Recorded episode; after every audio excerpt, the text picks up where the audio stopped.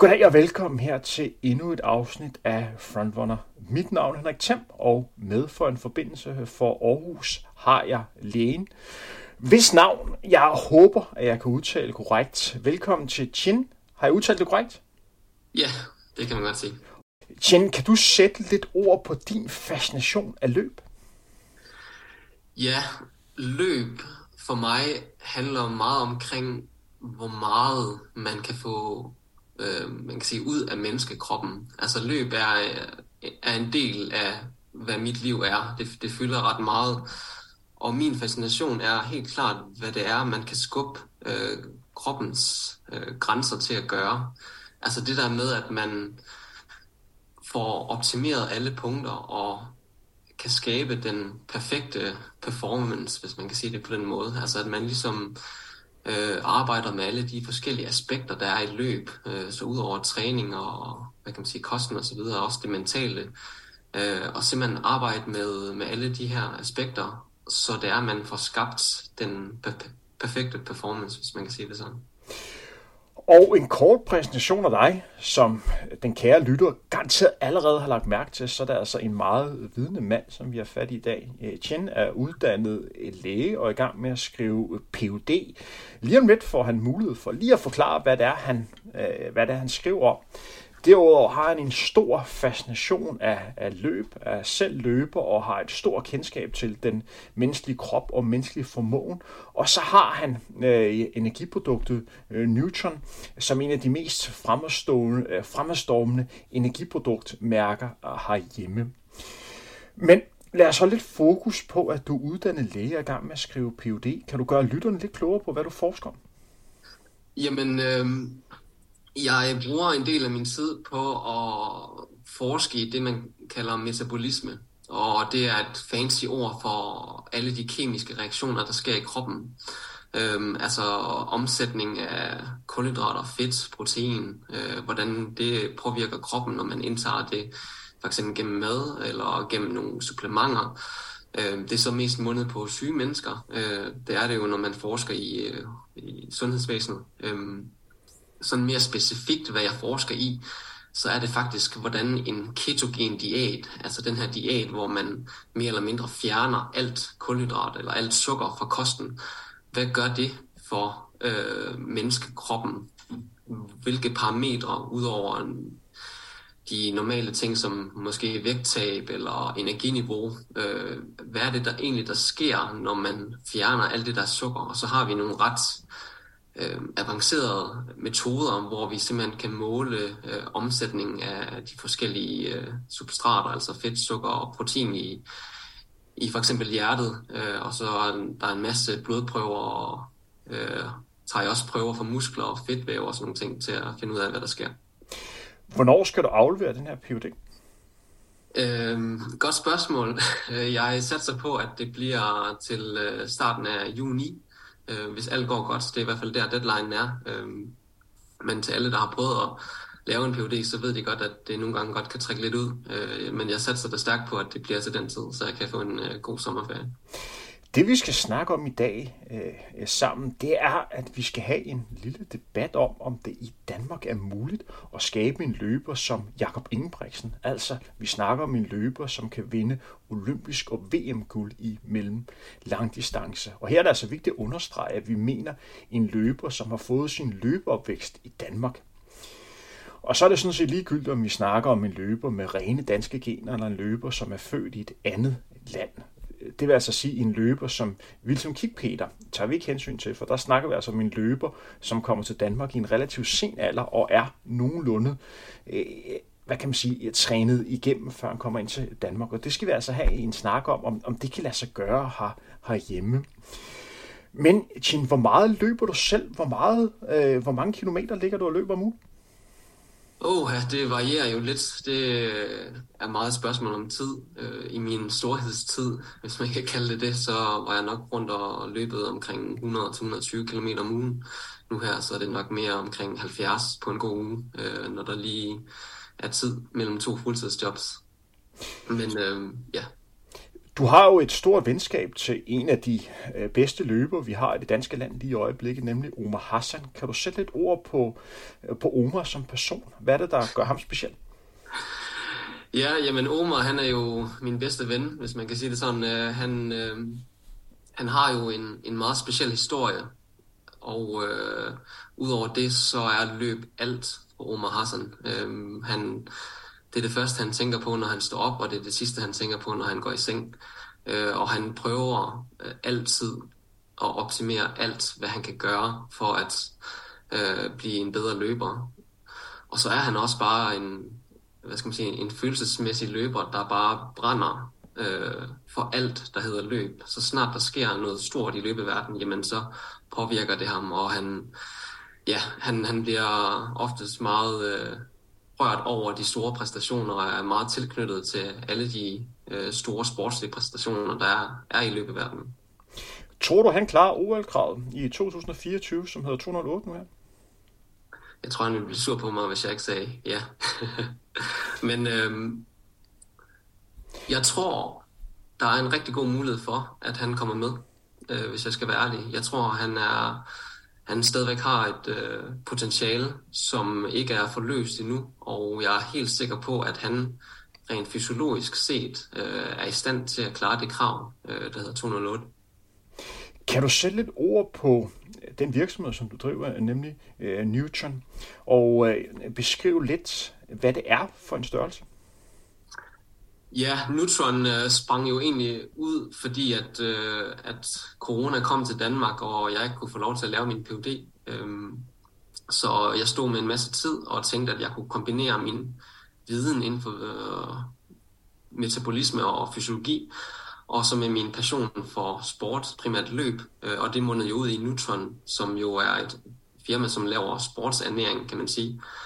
Og visionen for det projekt, det er sådan set, at vi gerne vil skabe noget, der kan hjælpe atleter med at præstere bedre.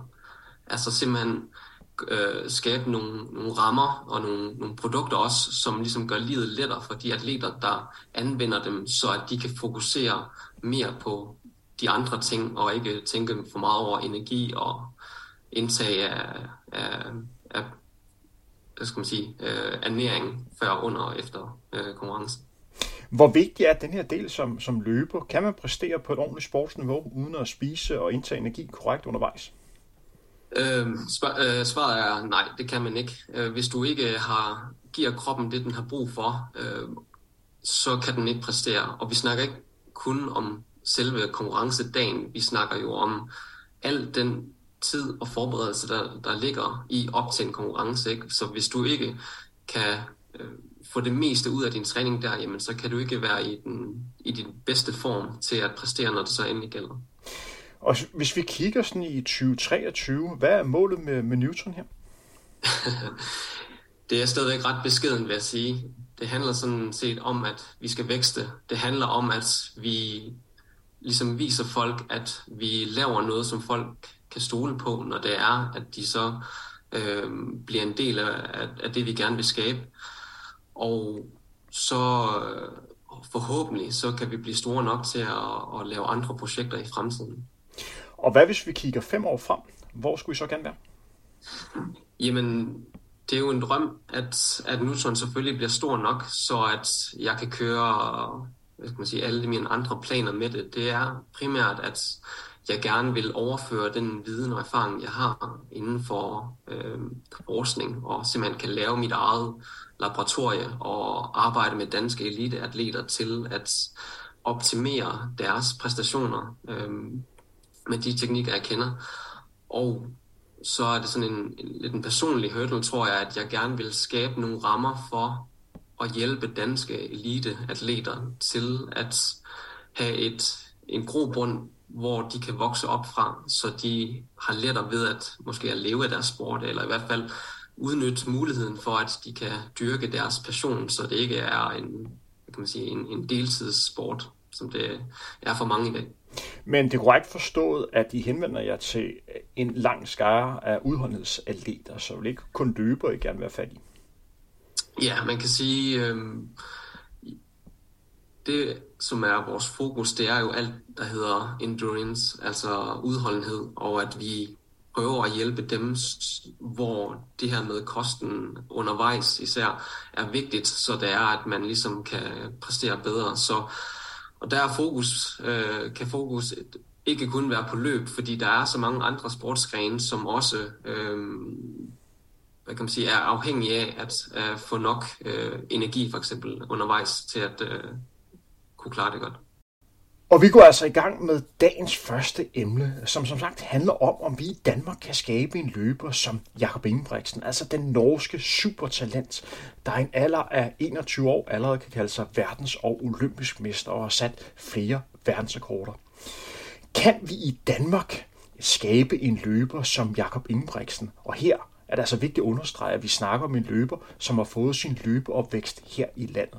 Og så er det sådan set ligegyldigt, om vi snakker om en løber med rene danske gener, eller en løber, som er født i et andet land.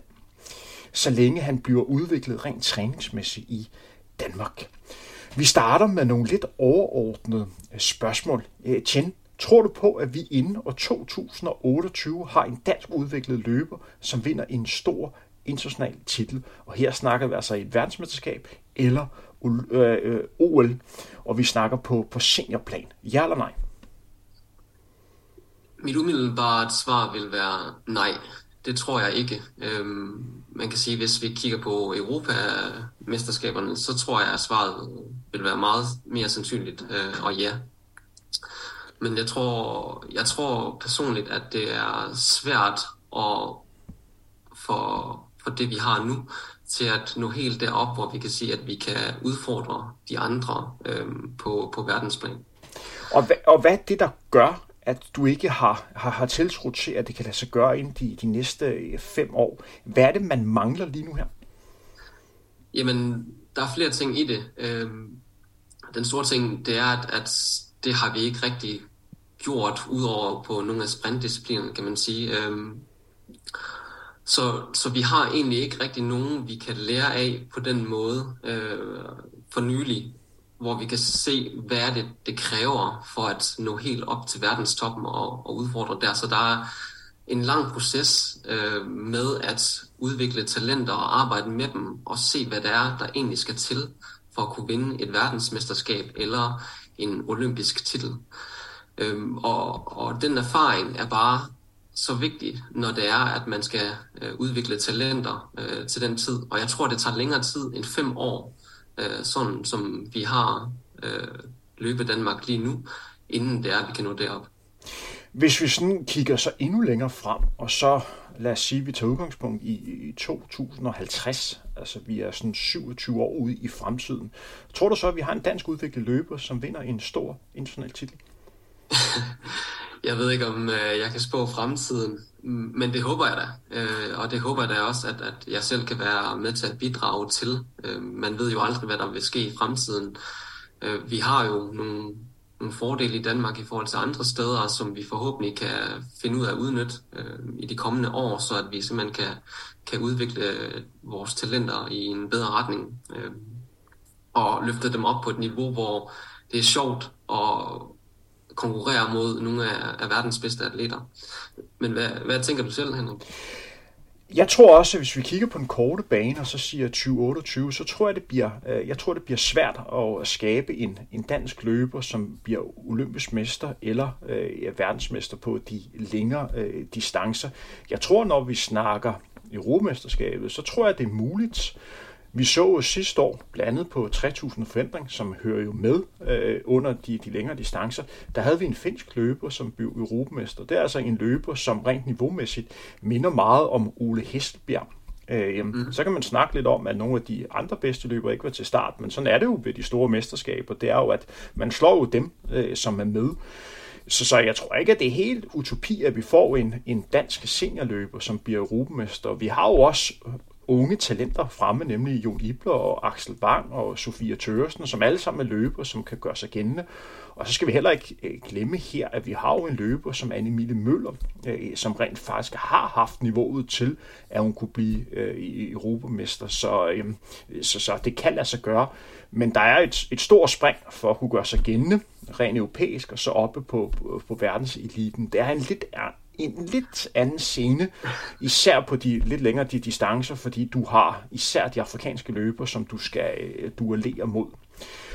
Og så hvis vi går længere frem til, til 2050, altså jeg håber også personligt, det kan lade sig gøre, men jeg må altid tilstå, at, at jeg tror, det bliver svært, medmindre vi rammer det her årtusind talent, øh, hvor alle ting øh, flasker sig, eller der er nogen, der rammer det perfekte løb, fordi nogle gange skal vi også være heldige.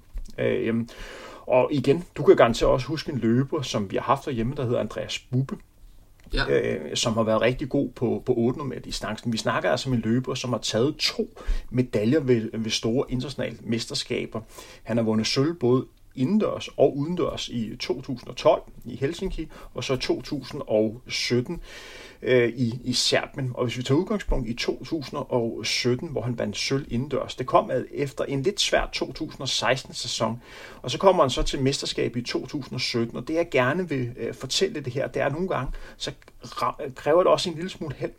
Han ryger videre for indledende heat på den absolute, øh, hvad kan man sige, dårligste af de her, øh, hvad kan man sige, lidt lucky loser tider, der går videre. Så der skal så lidt til, før han ikke kommer videre til, til semifinalen. Øh, til semifinalen, så ligger han låst inde, men da der mangler 20 meter, så er der en løber, der ligger lige foran ham, der kommer til at, øh, at løbe ud i bane 2, og det vil sige, at han får simpelthen åbnet op, til han kan komme ind.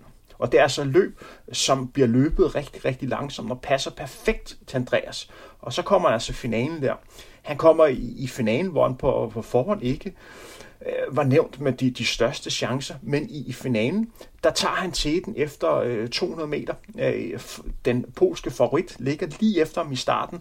Man ser, der er nogle spanske løber, der der mangler 300 meter, der går klar til at overhælde ham, men de spanske løber i deres iver til at komme frem, de kommer til at løbe ind i hinanden, og dermed øh, falder, og det gør Andreas øh, flot, bliver nummer to, men også med al min respekt for Andreas, er en lille smule heldig. Og min point er lidt her, at nogle gange kræver det også en lille smule held for at kunne præstere på absolut øh, topplan. Mm. Øh, men i forhold til, til 2050, øh, jeg håber det, men umiddelbart vil jeg sige øh, nej. Jeg tror ikke, det kan lade sig gøre, at vi har en dansk løber, som vinder en stor international øh, titel. Hvis vi går lidt videre, ud fra dit kendskab, øh, hvad kræver det sådan rent fysisk og mentalt at blive den bedste? Det er lidt svært at svare på, fordi det kræver lidt, at man arbejder med nogle atleter, som, som er der. Og øh, hvis vi tager udgangspunkt i, i Jakob Ingebrigtsen, som du har nævnt, så, øh, så er Jakob jo ikke bare et, et kæmpe talent. Han er jo han er jo den person eller den mand, som de andre går efter at slå. Altså det er ham, som folk øh, simpelthen prøver at arbejde sammen om at slå nu til dags. Og igen, han er, jeg tror han faktisk han er 22 år nu, og kunne nå derop i den alder, er jo bare, det er jo er en anden verden, som, som vi ikke har set før. Øhm, så, så hvad det kræver sådan rent fysisk og mentalt, tror jeg, at øh, man er nødt til at spejle sig lidt i de folk, der gør de her ting. Og, og hvad kræver det for at være Jakob Ingebrigtsen? Jamen, jeg kan jo huske, øh, nogle øh, YouTube-videoer, hvor man ser ham træne i en parkeringskælder sammen med øh, sin far Gert og sine to brødre, hvor de kører rundt på de her rulleski, øh, inden de skal med i skole. Ikke? Øh, og han har jo, selvom han er 22 år, han har jo trænet siden han var måske 10 eller 8 år, så han har alligevel en del år øh, bag sig øh, med træning. Men det er det, der skal til. Og det, det må man jo bare sige, at det har Jakob jo mere eller mindre mestret nu øh, med den status, men også det, han simpelthen kan præstere øh, år efter år allerede. Øh, hvad det sådan specifikt kræver rent fysisk, jamen det kræver jo nok en masse timer øh, i, i træningen. Rent mentalt, så tror jeg, at de her atleter, der når op på hans niveau, og kan blive ved med øh, at vedligeholde det, det er, det er rigtig svært at sige, hvad det er, de kan mentalt, men det er helt klart noget specielt for de atleter, der kan stå for det pres, øh, der, der gør, at de er verdens bedste. Jeg tror også en ting, som man lidt glemmer i, i den her snak om, hvad det kræver at, at blive fysisk og mentalt øh, den bedste, det er den her sult for hele tiden at udvikle sig. Og hele den her sult til ikke at stille sig tilfreds. Fordi det, man skal være opmærksom på med Jakob Ingebrigtsen, der har vundet så meget, det er, at man kan nemt blive, øh, falde lidt hen og så sige, nå ja, øh, det går nok. Og hvad har ambitionsniveauet været for ham, når han allerede i en tidlig alder kunne kalde sig rugemester og, og verdensmester, og så også olympisk mester. Men den der motivation til hele tiden at komme ud til at arbejde hårdere, hele tiden fokusere på at blive bedre end, end der man var, det kræver altså noget specielt, og det kræver på en eller anden måde også en speciel mentalitet til hele tiden at kunne gå til grænsen og til at kunne, kunne skubbe grænsen. For det er der, hvor for, folk virkelig bliver, bliver skilt fra, fordi det er ikke alle, der har den her. Det er ikke alle, der har den der lyst til hele tiden at kunne udvikle sig, hele tiden til at kunne, kunne skubbe på, øh, hvad der er, er, er muligt. Fordi det er hele tiden at sætte ambitionsniveauet til det, til det næste øh, stik, fordi da han startede med at løbe, det, der var han 6-7 år, der var målet nok ikke at blive olympisk mester øh, med det samme. Det kunne godt være, det var. Så det var jo at tage nogle step undervejs, og så hele tiden øh, rykke der. Og det kræver altså en mentalitet, øh, som, som nogen har, men der er bestemt også mange, der ikke har den her mentalitet. Ja, helt enig. Øh, jeg synes klart, det med motivationen er et godt punkt, du nævner, fordi han har jo som sagt opnået alle de her ting, og han kunne godt øh, vise, at det var det, og, og så kan man sige bare vedligeholde det, men man har lidt på fornemmelse med Jakob, øh, at han ikke er færdig overhovedet. Vi, vi går sådan lidt alle sammen og venter på, at han, at han slår verdensrekorden på, på 1500 meter, ikke? at han konstant sætter nye mål for sig selv, og, og simpelthen prøver hele tiden at finde øh, Øh, det næste step eller det næste niveau for sig selv, selvom han, han simpelthen løber på så højt et plan. Og at han kan blive ved med at, at bibeholde den sult, og måske også en anden form for nysgerrighed for at se, hvor går min grænse. Det er, det er klart det, der gør, at han er speciel. Jeg kan fortælle dig, Chen, at for omkring 10 år siden, der var jeg så heldig at, at snakke med en af de største løbelegender, øh, vi har, øh, hvad kan man sige, på, på verdensscene, nemlig en løber, der hedder Haile Gebrselassie, som er en løber, som har vundet utal af, af verdensmesterskaber og olympiske mesterskaber og haft, jeg tror, han har sat mere end 20 verdensrekorder. Øh, det var i 5 km løb nede i, nede i Holland, hvor jeg sad og spiste aftensmad med ham, og jeg spurgte lidt ind til, hans karriere, og hvordan han uh, trænede, og hvordan han så træning. Og det han sagde til mig på, på spørgsmålet, det var, hvad det kræver at, at blive den bedste, uh, og hvad det kræver til at komme ind til top. Så sagde han sådan, Henrik, det du skal være opmærksom på, det er jo, alle løbere kan jo træne hårdt. Alle løbere har jo hvad kan man sige, nogle fysiske formål, men det, der skiller folk ud, det er, at der er ikke alle løbere, som er i stand til at kunne passe på dem selv, og sørge mm. for, at de hele tiden bliver frisk til det næste træningspas. Hele tiden være klar over, det næste træningspas, du laver, altid det vigtigste. Og, og så er det så det store spørgsmål, hvordan skaber man bedst muligt den her resolution? Hvordan skaber man øh, bedst muligt den her øh, fokusering? Og øh, på en eller anden måde, øh, hvad kan man sige, lyst til at holde sig, holde sig sulten. Fordi alle løbere kan bare lægge hovedet fra, og så bare brage afsted. Men mm. det er virkelig det der med at kunne optage træning, og hele tiden øh, kunne, kunne dele det op, og hele tiden være, være klar til, til det næste, der kommer. Det var altså det, som Heile Gebrselassie mente var, var det, der gjorde, at nogen kom til tops, og andre ikke gjorde. Ja, Først vil jeg sige, at jeg er ret misundelig på, at du sidder med Hejle og, og spiste aftensmad. Det må have været en, en, en sindssyg oplevelse. Jeg kan, jeg, kan um, faktisk, jeg kan faktisk fortælle, at jeg sad der på mit, øh, jeg sad på et bord der i Holland og, og gjorde klar til at spise helt alene, og så lige pludselig kom der en løber, der kom der en person, der brækkede mig på skulderen og spurgte, om jeg måtte sidde med mit bord. Jeg kunne ikke lige umiddelbart se, hvem det var, og så sagde jeg bare sådan, ja, ja, du sætter dig bare, så kiggede jeg så ned, og så var det så Heilige på der spurgte, om jeg måtte sidde med mit bord. Så, øhm, så, så det var en, øh, en vild oplevelse få lov til at øh, snakke med sit i, øh, store idol på, på det tidspunkt, som princippet selv spørger, om han må sidde ved, ved det bord. Ja, fedt. Men øh, øhm, hvis vi går, går lidt videre, medmindre du har noget her, du gerne lige vil byde ind med. Nej, egentlig ikke, udover at, at sige, at i min optik, for at kunne blive den bedste, så tror jeg også, det handler om, at man tror på det. Fordi hvis man ikke tror på, at man er i stand til at nå derop, jamen så vil man aldrig komme til at gøre det. Og så er det rigtigt, at, at der selvfølgelig, når man så har det mindset, så skal man selvfølgelig finde ud af, hvordan når man dertil, sådan rent praktisk og, hvad skal man sige, træningsmæssigt. Men, men den der tro på sig selv er bare også så vigtigt, når det er, at vi snakker om, hvad kan man sige, verdensklasse præstationer. Og så tror jeg også, at vi har den udfordring i Danmark, som du også selv øh, nævner, det er, at vi har ufattelig få løbere, som er kommet helt til tops. Altså, vi har løbere som Andreas Bube. På de korte distancer har vi Sara Slot. Vi har også Anne-Emilie Møller, som har opnået flotte resultater. Men hvis vi kigger på mange af de andre idrætsgrene, som vi har hjemme, lad os kigge på, på badminton. Badminton har jo igennem mange år kørt efter modellen, at jeg har haft nogen, som er på absolut øh, verdensplan, som har, har trænet øh, herhjemme. Jeg er godt klar over, at der er nogle af de bedste øh, badmintonspillere nu at tage ud af landet.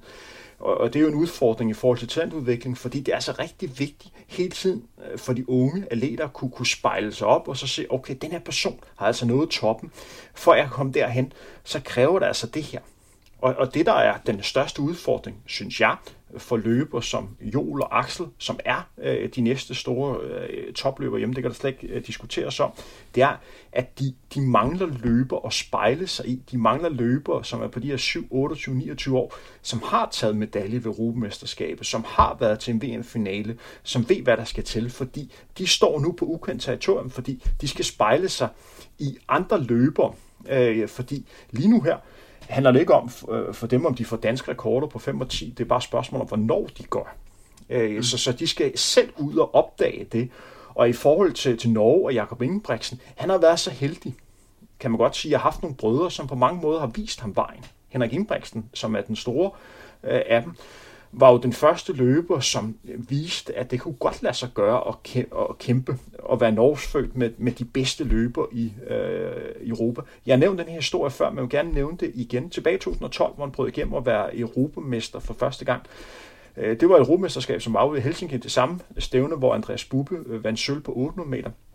Jeg var over at besøge en, øh, en god kammerat, der David Møller, som på det tidspunkt arbejdede for, for Nike i, i Norge. Og vi, det var altså slutningen af juni måned. Han Ingebrigtsen på det tidspunkt løb 3.36. En god tid, men ikke en tid, der retfærdiggør, at han skal blive øh, europamester. Tre dage før han skal afsted, der er han op på Nike-kontor i, i Oslo. Og så ligger han et forslag til en ny kontrakt. Fordi han ved på mandag bliver en europamester.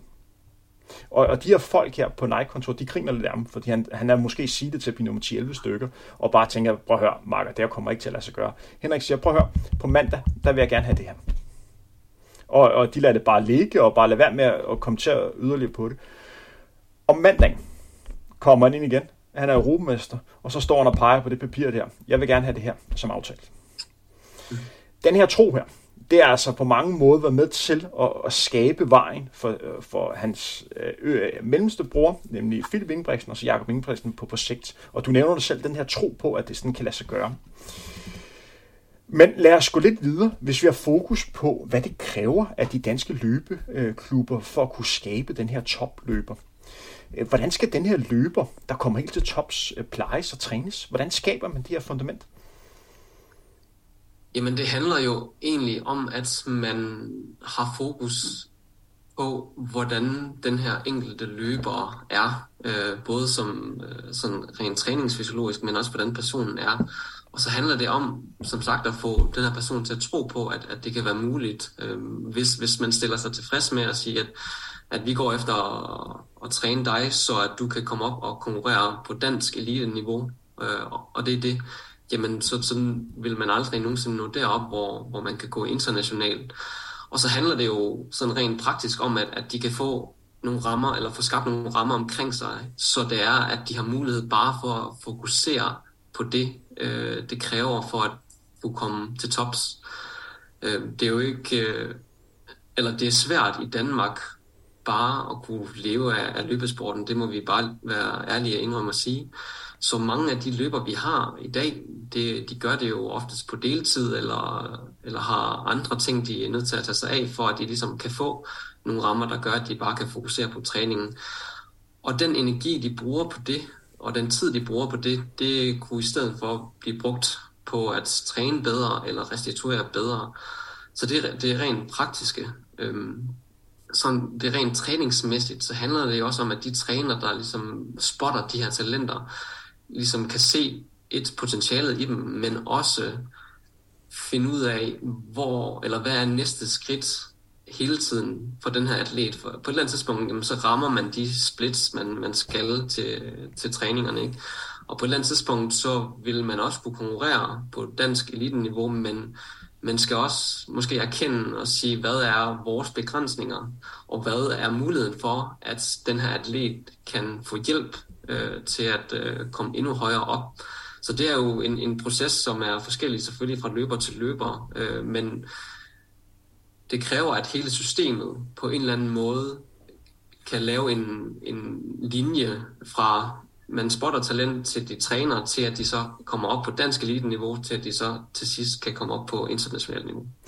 Men det, jeg hører dig sige, som jeg sådan set er enig i, det er, at man lægger utrolig stor ansvar på, på trænerne, for de skal være i stand til at kunne navigere i det her, og så også være opmærksom på, at der er jo en masse løber, som skal træne med den her løber, som måske ikke har de samme ambitioner øh, mm. eller talent.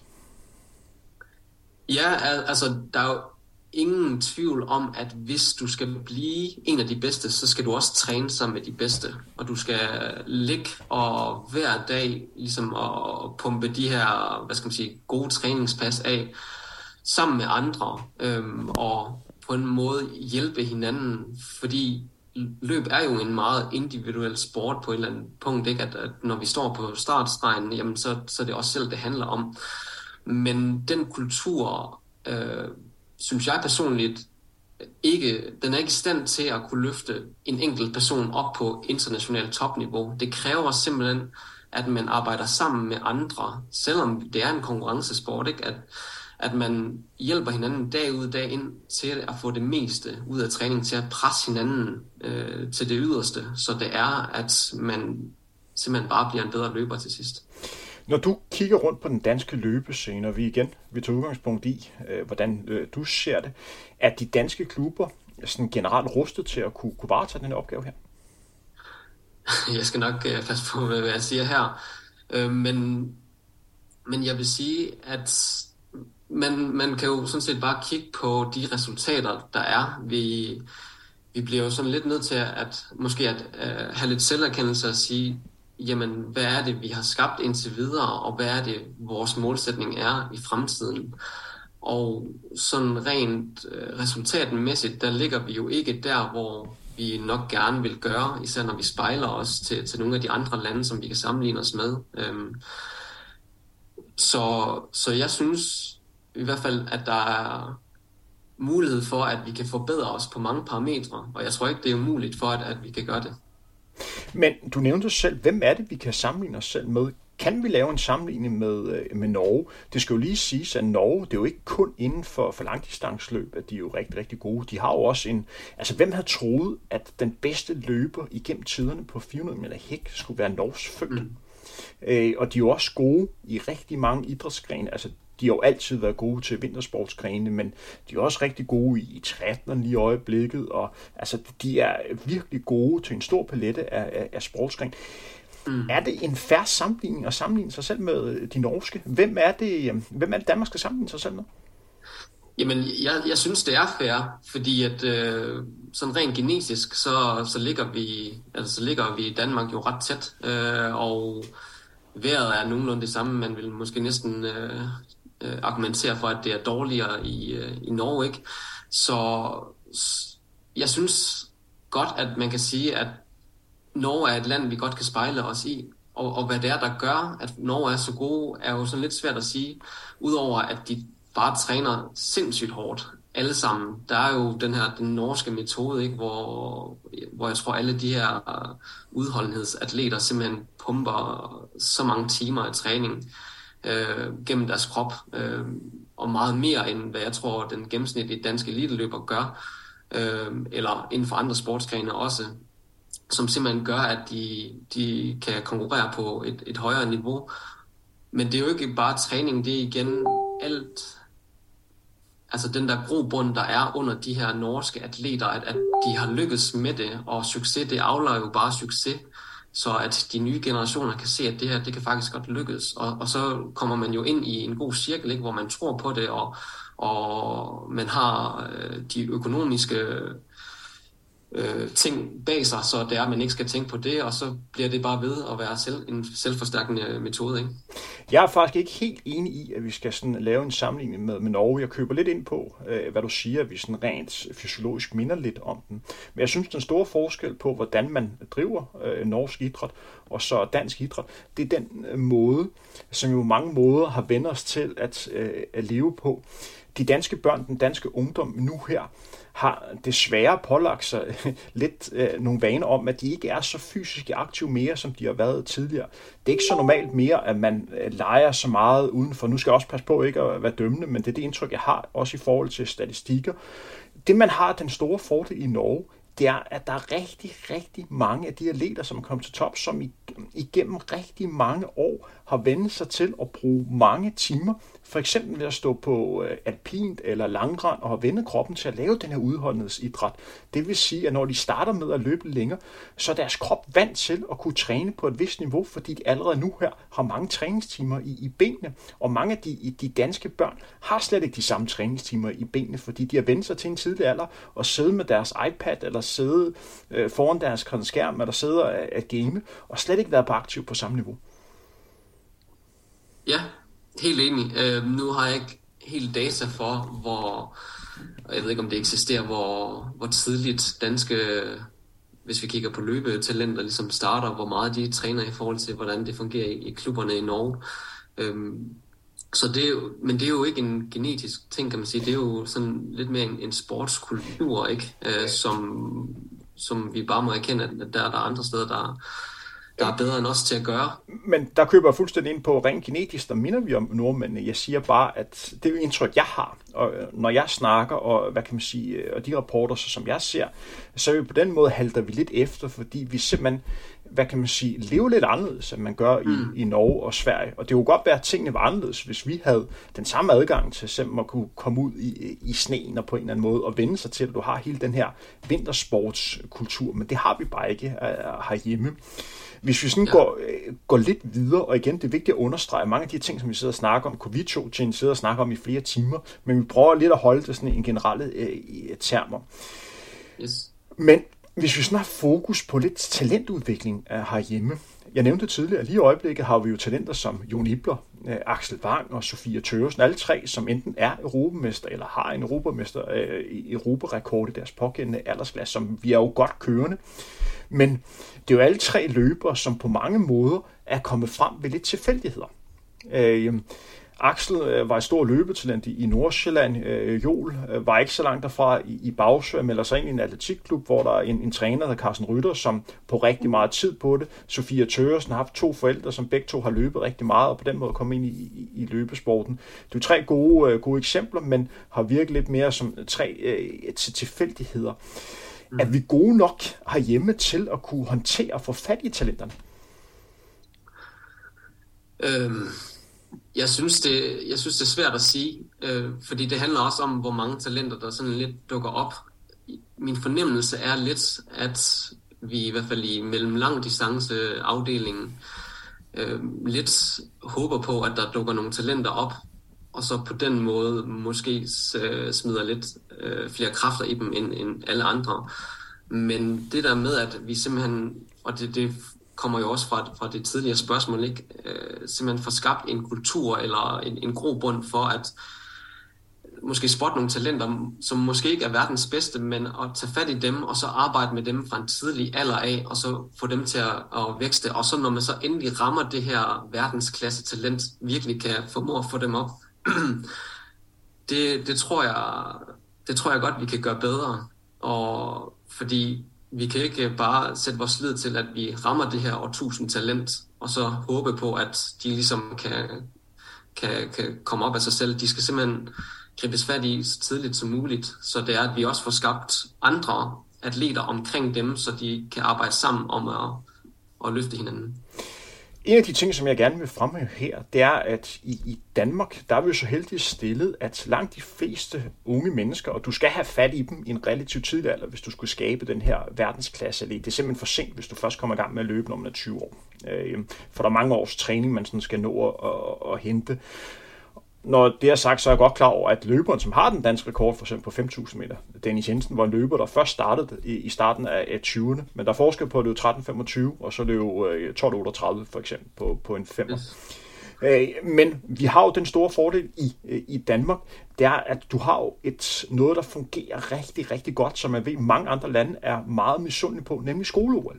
Så du har rigtig mange unge folk, som får indblik i, hvad vil sige at dyrke atletik, hvad vil det sige at, at løbe for eksempel en 1000 meter eller en 1500 meter, og det er jo der, at man skal have fat i løberne. Det er der, at man sådan skal, skal prikke den på skulderen, og så forhåbentlig have et produkt, som er attraktivt nok til at få fat i de her unge folk, fordi her kan du sådan nogenlunde se, er der nogen, som måske kan gå i den retning, der måske kan blive øh, blandt de, de bedste i verden, hvis de vel at mærke øh, ønsker det. Så det handler om på en eller anden måde at få fat i børn der. Så er det en anden snak om, hvor, hvor tidligt man må prikke de her unge ud, og så sige til dem, prøv at høre, du kan altså komme rigtig, rigtig langt. Og det er jo en anden snak, og det handler jo meget om, hvordan man sådan vælger at gøre det, og og man, og man synes, det er korrekt, at man skal sådan brække en syvårig ud, og så sige, prøv at høre, du kan altså blive en rigtig god løber øh, på sigt, og kan man se din alder af, af syv år? Ja, altså jeg, jeg synes måske, man skal, hvis vi bare kigger på den måde, det fungerer på i, i USA, så er det jo sådan, at, at de øh, ret, eller jeg er ikke sige tidligt, men, men, men de, de arbejder med de her atleter i, i en ret tidlig alder, hvor man over hvor man ikke bare til et enkelt stævne, lad os sige skole-OL, ikke ligesom spotter dem og siger, hey, du har potentiale til at blive verdens bedste, for det er, det er sgu svært at kunne se det baseret på et enkelt løb, men at de ligesom over en, måske flere år øh, bliver arbejdet med, og man sådan kan se, okay, har du virkelig det, der skal til for at løfte dit niveau? Og så for, også få skabt nogle interessante rammer, øh, som, som gør, at de her løbere synes, at det er sjovt. Ikke? Fordi hvis, hvis man går ind til en, en 10-årig og, og siger, nu skal du træne sådan og sådan for at blive verdens bedste, jamen så stopper det jo nok på et eller andet tidspunkt, fordi så er motivationen der ikke. Øhm, på et eller andet punkt, så skal det gøres interessant for de her løbere, Øhm, så det er, at de bliver ved med at være sultne efter at lære mere og blive bedre og, og træne hårdere. Ikke? Så jeg, jeg synes, at man er nødt til at gøre løbesporten på en eller anden måde interessant for, for alle de talenter, der er i, i Danmark. Og så ud fra det, så kan man så øh, måske finde ud af, hvilken gruppe eller lille gruppe af atleter kunne det give mening at sætte sammen, og så kunne man arbejde med dem for at, ligesom at løfte niveauet. Fordi det, du nævner her, det er jo, at det er jo rigtig vigtigt at være en del af en gruppe. Og, og hvis du har en, en, hvor man bare tænker allerede som syvårig en person, der skiller sig så meget ud. Det, der også er vigtigt at tænke på her, det er jo, at det er jo lige så vigtigt at få fat i personens gode kammerat, der ikke nødvendigvis er det store løbetalent, fordi han eller hun kan være med til at hjælpe den her person, at han eller hun holder interessen igennem længere tid. Og der er jo ingen, der ved, hvad, hvad der sker. Det kan jo være, at den her person, som har trænet meget med, lige pludselig rykker sig rigtig meget som 11-12-årig, og lige pludselig viser, at det måske er han eller hun, man skal, man skal satse på.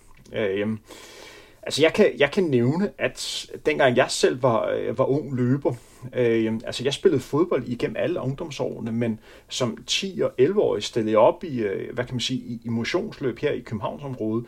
Alle løb, som, som jeg vandt, blandede øh, løb af en af de, altså de bedste tider, som nogensinde var løbet under 15 år til mitageløbet, da jeg var 11 år.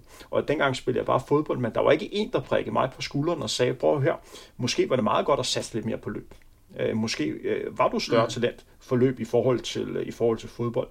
Og, og det synes jeg, at efterfølgende var en lille smule ærgerligt. Er der ikke nogen, der fortalte mig, prøv at høre, du kunne altså blive rigtig, rigtig god til det her. Øh, altså så kan man diskutere, hvor god jeg blev senere, det, der skal vi ikke hen. Men selvfølgelig var det en fordel for mig, øh, hvis jeg var startet tidligere. Men der var ikke nogen, der har sagt det til mig på det tidspunkt. Helt enig. Øh, en ting, som jeg også gerne lige vil komme ind på, det er øh, udfordring at kunne rumme alle, fordi jeg går også med den lidt overbevisning, og den vil jeg gerne teste af på dig, det er, at vi i, i løbesporten måske øh, også skal være bedre til at kunne, kunne rumme alle, fordi på en eller anden måde er mit indtryk, at man mange gange sådan skal, skal passe ind i en eller anden form for skabelon, fordi det er sådan det, man gør i, øh, i den her klub eller den her fællesskab. Men kendetegn for mange af de løber, som kommer til tops, det er, at de på en eller anden måde er lidt skæve personer. Øh, og på en eller anden måde skiller sig lidt ud. Øh, og på en eller anden måde også have plads til dem, der måske ikke øh, følger gennemsnittet. Øh, fordi at jeg tror, der er mange af dem, øh, som vi snakker om, der er kommet helt til tops, der er altså personer, der har så stor vindersult og så, så stor, øh, hvad kan man sige, personlig øh, øh gejst til at til rykke sig, at de måske ikke har været de nemmeste at arbejde sammen med. Øh, og dem skal der også være plads til. Og på en eller anden måde skabe en kultur, hvor der er plads til alle, og også rumme dem, som på en eller anden måde ikke er de nemmeste at træne sammen med. Ja, altså vi, vi lever jo i 2023 nu. Det, det, det burde være muligt at være sig selv og kunne, kunne dyrke sporten på den måde, der ligesom passer en bedst. Øh, og der er jo et bredt spænd af atleter, øhm, som gør ting på meget forskellige måder. Der er nogen, der er meget udadvendt og deler tingene. Der er andre, der bedre kan lide at trække sig ind i sig selv. Øhm, men udfordringen er jo, at de på en måde skal blive vejledt af, af, nogle, af en person eller en gruppe af personer, som forstår at, at sætte de her brækker sammen på en måde, så at de får det bedste ud af hinanden, øh, så det ikke bare er øh, den ene mod den anden, kan man sige. Øh, så, så helt enig. Øh, vi, vi bliver nok nødt til at, især når vi har øh, måske lidt begrænsede øh, talenter lige nu, og ikke øh, 10, 15-20 stykker, så bliver vi nødt til at, at på en eller anden måde få dem til at ja, øh, arbejde sammen, så det er, at de kan gøre hinanden bedre. Til allersidst, så skal vi lige kort blive enige om, hvad vi i Danmark indtalt kan lære af den her Ingebrigtsen-case. Hvis vi sådan hver især lige skal komme med nogle uh, punchlines på, okay, det er det her, som man kan, kan trække ned, så man kan bruge det som inspiration herhjemme. Ja, øh, tænker du sådan mere i forhold til, hvordan man skal gøre? Eller? Hvordan man skal gøre. Kan man lære noget her, herhjemme, eller er det bare sådan en unik historie med alle ting, man sådan kan, kan fremhæve? Okay, det her kan der altså godt trække ned til, til Danmark, og så tage udgangspunkt i det. Jeg vil sige, i forhold til Jakob og måske hele Ingebrigtsen-familien, så har de vist, at der ikke er grænser for, hvad man kan opnå, hvis man virkelig er villig til at arbejde hårdt for det. Altså vi snakker om en familie på tre, øh, eller de er flere søskende, ikke, men, men tre fyre, som alle sammen, øh, hvis nok er europamester, og, og Jakob er jo så taget det endnu højere niveau og konkurrerer jo mod et helt, altså hele Østafrika, ikke? Øh, at man, man simpelthen skal vide, hvad det er, man skal ofre for at kunne komme til tops. Og derfra gå til at vide, jamen er jeg i stand til det her? Vil jeg det nok til at komme til tops? Det synes jeg er nok er det vigtigste fra, fra Ingebrigtsen-familien. Jeg er også øh, fuldstændig enig, og en ting, som jeg gerne lige vil, vil fremhæve her, det er, at øh, for dem handler det altså om at blive de bedste. Herhjemme er der nogle gange øh, en, fokusering på, og det er jo nok kommet ud fra, hvor vi ligger sådan rent niveaumæssigt. Det, det handler for mange af de danske løbere, det er at komme med til mesterskabet. Øh, for eksempel om at kvalificere sig til OL, eller kvalificere sig øh, til VM, og det er det, der sådan er, er målet. Hvor man lidt glemmer om, at det rent faktisk også handler om at præstere til mesterskabet. Og hvordan mm. gør man så det, og tage medaljer og andet. Og her øh, for Jakob, det er jo en rimelig tidlig alder, ikke, og for Henrik og Philip ikke handler om at komme med til mesterskabet, men hvordan vinder jeg? Hvordan præsterer jeg bedst muligt til det her, øh, til det her mesterskab? Og vende sig til det, at det er der, man har overliggende. Det er det, man fokuserer på. Øh, og det skal jo ikke være utopi at tro på det, men hvis man vender sig til at snakke om, det handler altså ikke om at komme med til mesterskabet, men det handler om, hvordan præsterer jeg bedst muligt til mesterskabet, så er man også med til at rykke overlæggeren for sig selv. Og i starten vil det nok virke fuldstændig utopi, hvis vi snakker med løber, der ligger et stykke fra, men jeg tror altså, det er vigtigt, at man tør at, at sige, det er der, jeg gerne vil hen. Jamen det er det jo. Uh, oftest er det jo den mentale grænse, ikke? Det så vi jo for eksempel. Et, et godt eksempel, det er uh, at komme under fire minutter på milegrænsen, ikke? Da, da man kæmpede om det i så mange år, så kom Roger Bannister ind og gjorde det, og så øh, i månederne efter, så var der jo så mange andre, der gjorde det, uh, fordi de netop så, okay, det her, det, det, det skulle ikke umuligt. Så de der mentale grænser er oftest de grænser, uh, som stopper os, og ikke de, de fysiske grænser.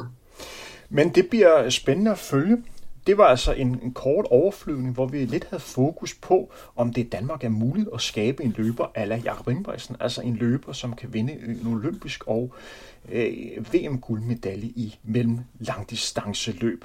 Tak til dig, Tine, fordi vi lige måtte ringe dig op og gøre os lytter klogere på, øh, talentudvikling og hvad der skal til for at komme helt til tops.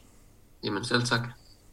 Og det her var Frontrunner, og mit navn er Henrik Tam, og vi høres ved igen inden længe.